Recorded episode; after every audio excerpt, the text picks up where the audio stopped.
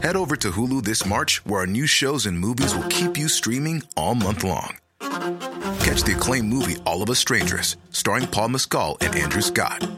Stream the new Hulu original limited series We Were the Lucky Ones with Joey King and Logan Lerman. And don't forget about Grey's Anatomy.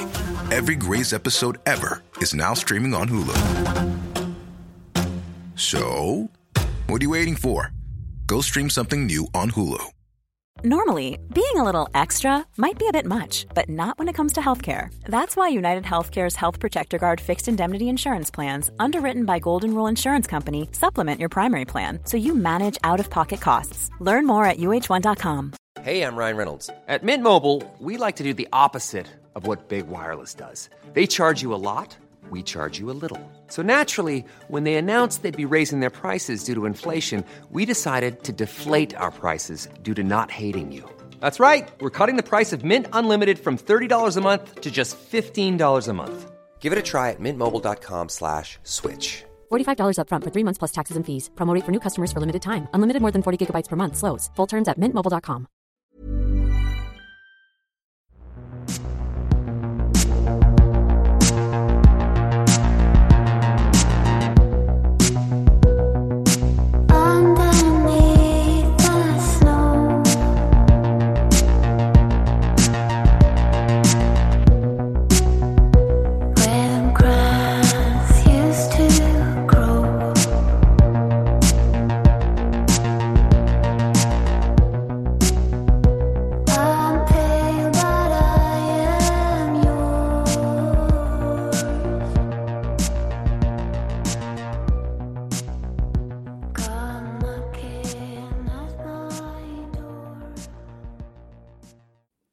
Olösta mord, Urban och Heidi del 6. Det här avsnittet är skrivet av Sofie Karlsson. Klippning har gjorts av Eva Martinsson och jag heter Dan Hörning. Jag vill utfärda en särskild varning för detta avsnitt. En varning för skildringar av sexuellt våld. Det här är en podd som bara ställer frågor och aldrig ger några svar. Vad tror du själv? Kontakta oss gärna med dina teorier om fallen som vi tar upp. Kontaktinformationen finns i avsnittstexten i din poddapp och i slutet av avsnittet. Det är bara två veckor kvar till Olösta mord 2.0. Om du tycker att den här podden är jättebra får du väldigt gärna vara med och stötta den på Patreon. Patreon.com Sök på Olösta mord. Patreon är ett ömsesidigt avtal så om vi inte ger ut några avsnitt så betalar du inga pengar. I förra avsnittet inleddes rättegången mot David Tommy Harry. Den inleddes i oktober 1990, alltså ungefär ett och ett halvt år efter att Urban Höglin och Heidi Pakkonen försvann på Nya Zeeland. Ingen har hittills hittat Urban och Heidi vare sig vid liv eller döda. Trots det står David åtalad för att ha mördat det svenska turistparet. Domare Tomkins har klargjort för juryn att åklagarsidans bevisning är indicier och att det är juryns jobb att avgöra ifall indicierna sammantaget bevisar att David bortom allt rimligt tvivel har mördat Urban och Heidi. I förra avsnittet gick jag igenom åklagarsidans första bevisning, vilket var vittnesmålen från Cassidy och North.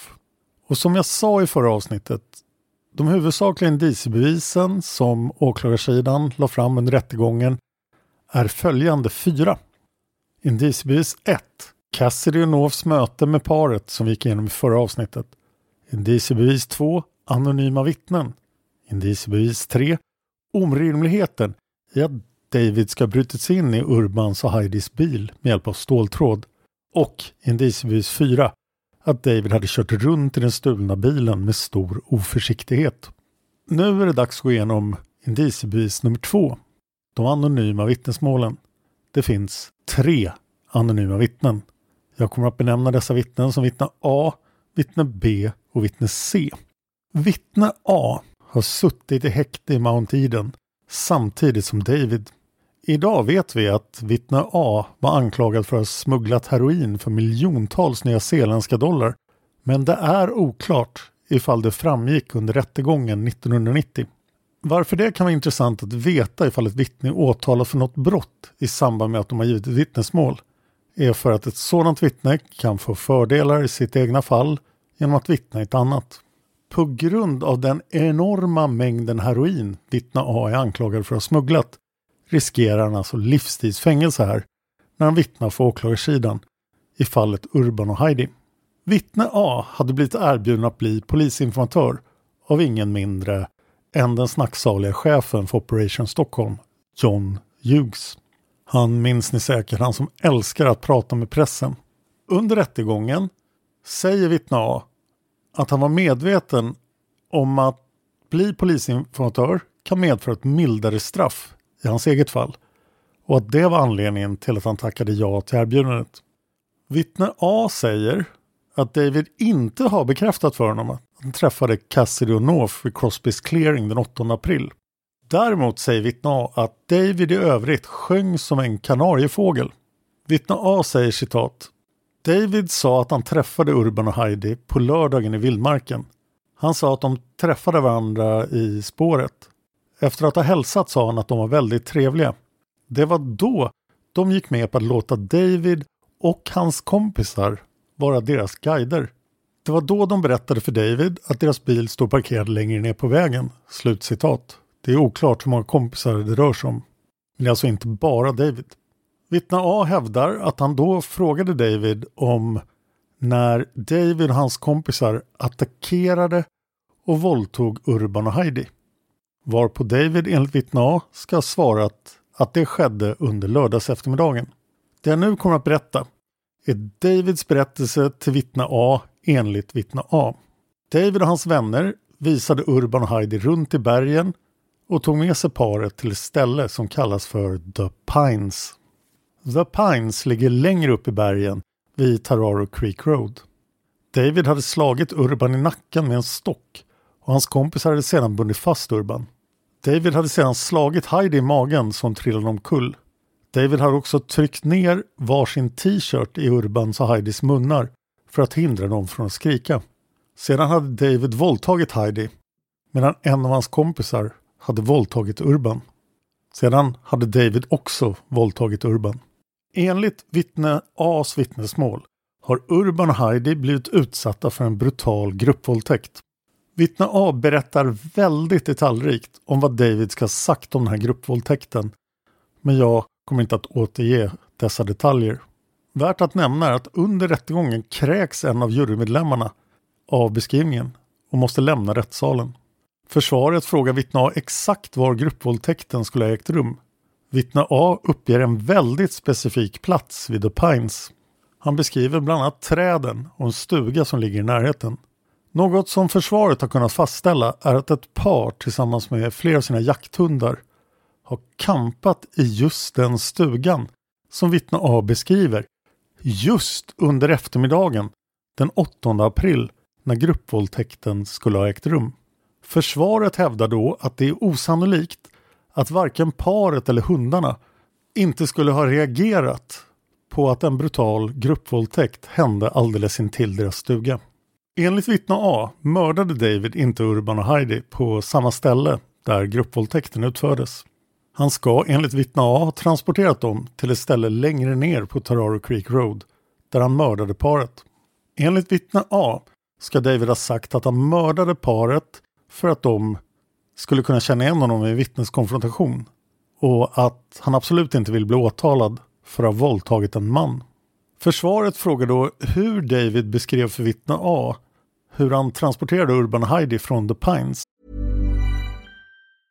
A lot can happen in three years, like a chatbot may be your new best friend. But what won't change? Needing health insurance. United Healthcare Tri Term Medical Plans, underwritten by Golden Rule Insurance Company, offer flexible, budget friendly coverage that lasts nearly three years in some states. Learn more at uh1.com. If you thought the only way to get a more defined jawline with natural looking results was through surgery, think again. Juvederm Volux XC is a non surgical injectable gel filler that improves moderate to severe loss of jawline definition and can help you achieve natural looking results with little downtime. Even better, this improved definition lasts up to one year with optimal treatment. No maintenance required. Improve jawline definition for a smooth, sculpted look with Juvederm Volux XC. For important safety information and to find a licensed specialist, visit juvederm.com. That's J U V E D E R M.com. Not for people with severe allergic reactions, allergies to lidocaine, or the proteins used in Juvederm. Common side effects include injection site redness, swelling, pain, tenderness, firmness, lumps, bumps, bruising, discoloration, or itching. There's a risk of unintentional injection into a blood vessel, which can cause vision abnormalities, blindness, stroke, temporary scabs, or scarring. Talk to a licensed specialist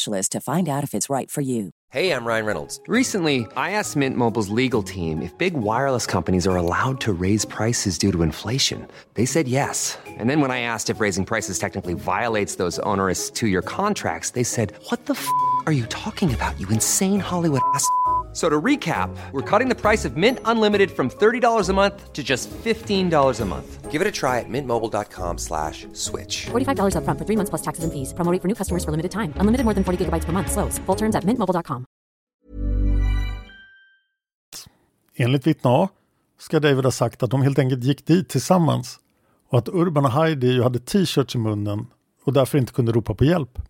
Försvaret ifrågasätter detta eftersom de menar att det måste ha funnits en risk att stöta på andra vandrare som skulle reagera på det här sällskapet.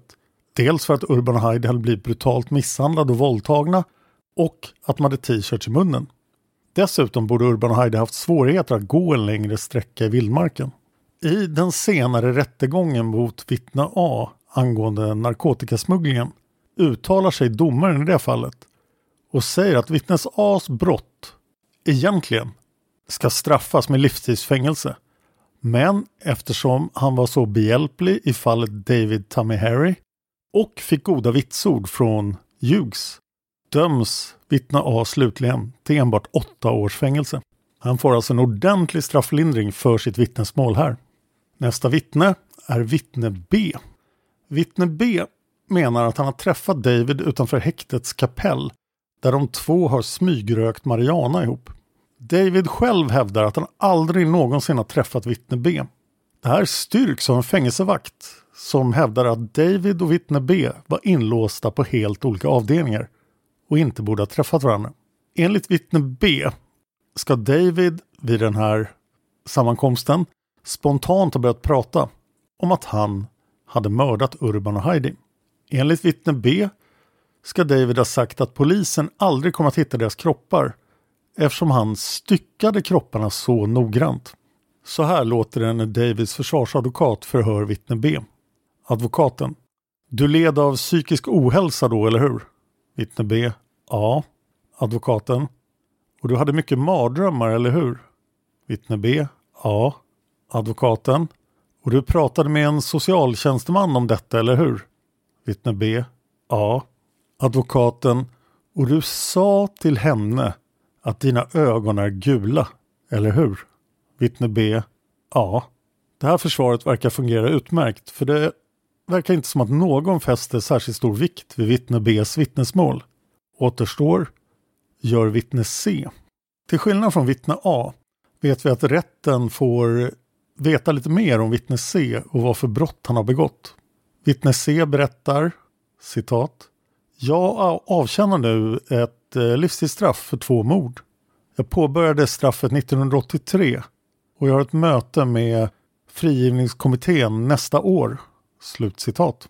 Mötet med den här frigivningskommittén skulle man kunna argumentera är ett incitament för en person att vilja bidra i ett annat åtal. Det verkar ju onekligen fungera för en del fängelseintagna på Nya Zeeland. Vittne C hävdar att han träffade David på fängelset Paramorimo. Det är oklart när David flyttades från häktet till Mount Eden där han träffade vittne A till Paramorino-fängelset. Enligt vittne C hade David en karta på väggen i sin cell över Coromandelhalvön.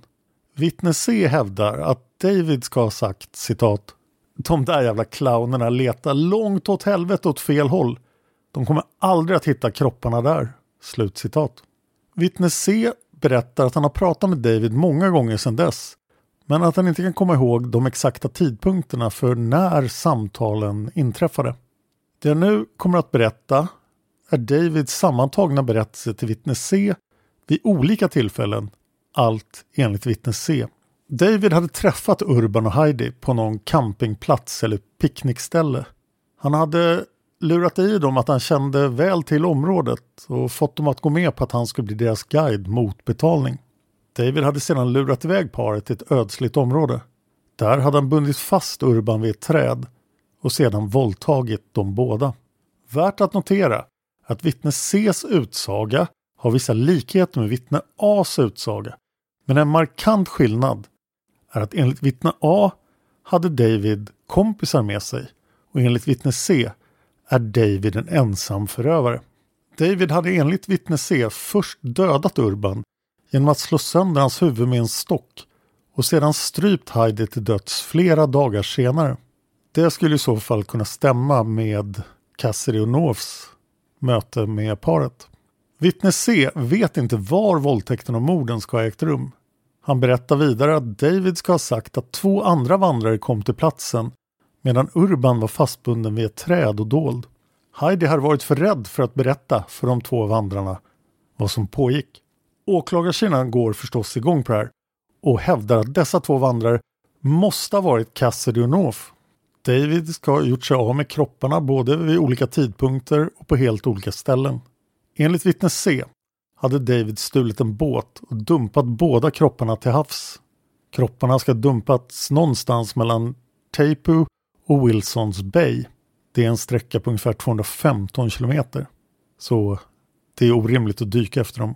David ska ha bundit fast skrot på kropparna för att sänka dem i havet. Efter det körde David runt i parets vita Subaru. Här kan man ju reflektera lite kring tidslinjen. Om David våldtog Urban och Heidi under lördagen den 8 april och sedan hade kvar Heidi i livet i två eller tre dagar. Var befann hon sig när David checkade in på Sunkist Lodge den 10 april och skjutsade runt Bokull med sällskap den 11? Domstolen och juryn lägger stor vikt vid vittne Cs vittnesmål. Vittne C kommer att återkomma längre fram i den här historien. Vi är framme vid indiciebevis nummer tre, ståltråden. Åklagarsidan lyfter fram orimligheten i att David ska brutit sig in i Urbans och Heidis Subaru med hjälp av ståltråd samt indiciebevis 4. David hade kört runt i den stulna bilen med stor oförsiktighet och det pekar mot hans skuld. Först indiciebevis nummer 3. Åklagaren hävdar att det inte går att bryta sig in i en bil på det sätt som David har beskrivit och därför måste han ha fått åtkomst till bilen på annat sätt. Enligt åklagaren exempelvis genom att överfalla och tvinga Urban och Heidi att öppna bilen. Polisen och åklagarsidan har till och med gått så långt som att påstå att det är fullkomligt omöjligt att bryta sig in i Subarun med den typ av ståltråd som David menar att han använde sig av. Det här har försvaret ett svar på. De kallar in en rättstekniker som heter Rory Shanahan. Shanahan berättar att han tänkte först som polisen och åklagarna att det var omöjligt att bryta sig in i bilen med den där ståltråden. David hade först förklarat exakt hur han gjorde för Shanahan som sen försökte bryta sig in i bilen på det sättet. Shanahan misslyckades, vilket polis och åklagare tyckte var tillräcklig bevisning för att det var omöjligt. Men Shanahan tog sen med sig David och fick honom att visa hur han hade gjort. Precis innan David skulle göra sista rycket avbröt polisen experimentet. Shanahan hade dock studerat hur David gick tillväga och såg vilket fel han själv hade gjort. Sedan försökte Shanahan bryta sig in i bilen på det sätt som David hade visat. Och då lyckades han. Han hade sedan upprepat försöket ett flertal gånger och till slut kunde han öppna Subarun med den där ståltråden på 25 sekunder. Detta, menar försvaret, stärker Davids trovärdighet. Det fanns inte så mycket mer att säga om indiciebevis nummer 4, oförsiktigheten. Åklagarsidan har dessutom två huvudsakliga tekniska bevis. Det första tekniska beviset är en liten blodfläck från en av de ryggsäckar som polisen har hittat och som de vet har tillhört Urban och Heidi. Rättstekniska avdelningen kan avgöra att blodet kommer från en människa. Blodfläcken är dock för liten för att de ska kunna avgöra blodgruppen. De har inte DNA-teknik tillgänglig. Och dessutom skulle blodfläcken vara för liten för att möjliggöra DNA-teknik som den var 1990. Head over to Hulu this March, where our new shows and movies will keep you streaming all month long. Catch the acclaimed movie All of Us Strangers, starring Paul Mescal and Andrew Scott. Stream the new Hulu original limited series We Were the Lucky Ones with Joey King and Logan Lerman. And don't forget about Grey's Anatomy. Every Grey's episode ever is now streaming on Hulu. So, what are you waiting for? Go stream something new on Hulu. Botox Cosmetic, out of botulinum toxin A, FDA approved for over 20 years. So, talk to your specialist to see if Botox Cosmetic is right for you. For full prescribing information, including boxed warning, visit BotoxCosmetic.com or call 877-351-0300. Remember to ask for Botox Cosmetic by name. To see for yourself and learn more, visit BotoxCosmetic.com. That's BotoxCosmetic.com. Are you looking to grow your business and stay resilient? Look no further than FM Global. With over 180 years of scientific research and engineering expertise, we bring innovative solutions to ensure your commercial property today so you can prosper tomorrow. Rättsteknikern som gjort analysen av blodfläcken säger under rättegången att fläcken är i storlek med en blodfläck som kommer från en skråma. Polisen har även blod på Urbans och Heidis tält. Det finns en blodfläck på tältets snören. Men det visar sig att det blodet kommer från ett djur. Det fanns också en större blodfläck på insidan av tältet uppe i taket. Enligt rättstekniska avdelningen var blodet utsmetat och inte uppskvätt. Rättsteknikern säger under rättegången att det ser ut som att någon exempelvis har skurit sig i tummen och sedan tagit på tältet. Här gick det att avgöra blodgruppen. Blodet var A+. Det är den blodgrupp som Urban har. Polisen har inte hittat några spår av blod på någon av de andra tillhörigheterna som de har fastställt tillhörde Urban och Heidi. Som vi nämnde i del 3 fanns det heller inget blod i bilen. Nästa tekniska bevisning som åklagarsidan påstår att de har, eller jag inte har, som är att de faktiskt har den i sina ägor, är en klocka. Detta är lite rörigt, men jag ska försöka förklara hur den här klockan som de inte har anses vara bevisning. Urban hade en pulsarklocka som polisen aldrig har hittat. Åklagarsidan presenterar ett vittne, en bekant till familjen Tammy Harry, som berättar att Davids äldsta son John hade fått en klocka av sin pappa i april eller maj 1989. Vittnets beskrivning av klockan påminner om en sådan pulsarklocka som Urban hade. Polisen har aldrig hittat den här klockan, vilket åklagarsidan menar är bevis för att David har gjort sig av med den, vilket enligt dem är teknisk bevisning för att han har mördat Urban och Heidi. David varken bekräftar eller förnekar att han har gett sin son en klocka. David har ju erkänt att han har tagit en del av parets tillhörigheter. Vissa saker har han sålt och andra har han gett bort. Men klockan varken bekräftar eller förnekar han. Nästa steg i rättegången är att David Tommy Harry sätter sig i vittnesbåset. En av åklagarna som heter Morris inleder med att säga att det är konstigt att David inte alls engagerat sig i att hitta Urban och Heidi. Om han är oskyldig borde han ha försökt hjälpa polisen att hitta det svenska turistparet, tycker Morris. Så här utvecklar sig förhöret mellan Morris och David. Morris, säg mig, har du under något förhör med någon av polismännen föreslagit för polisen var Urban och Heidi kan ha vandrat ifrån stigen ute på Coromandel? David, nej, jag har inte haft möjlighet att komma med något förslag för det är inget som vi har pratat om. Morris, det är det jag pratar om. David, nej men alltså polisen har inte frågat mig någonting som berör att de har vandrat vilse eller varit med om någon olycka. Morris, det jag menar är att du har känt till att du är den mest misstänkta. Du har sagt till mig att du känner till det där området lika väl som baksidan av din hand.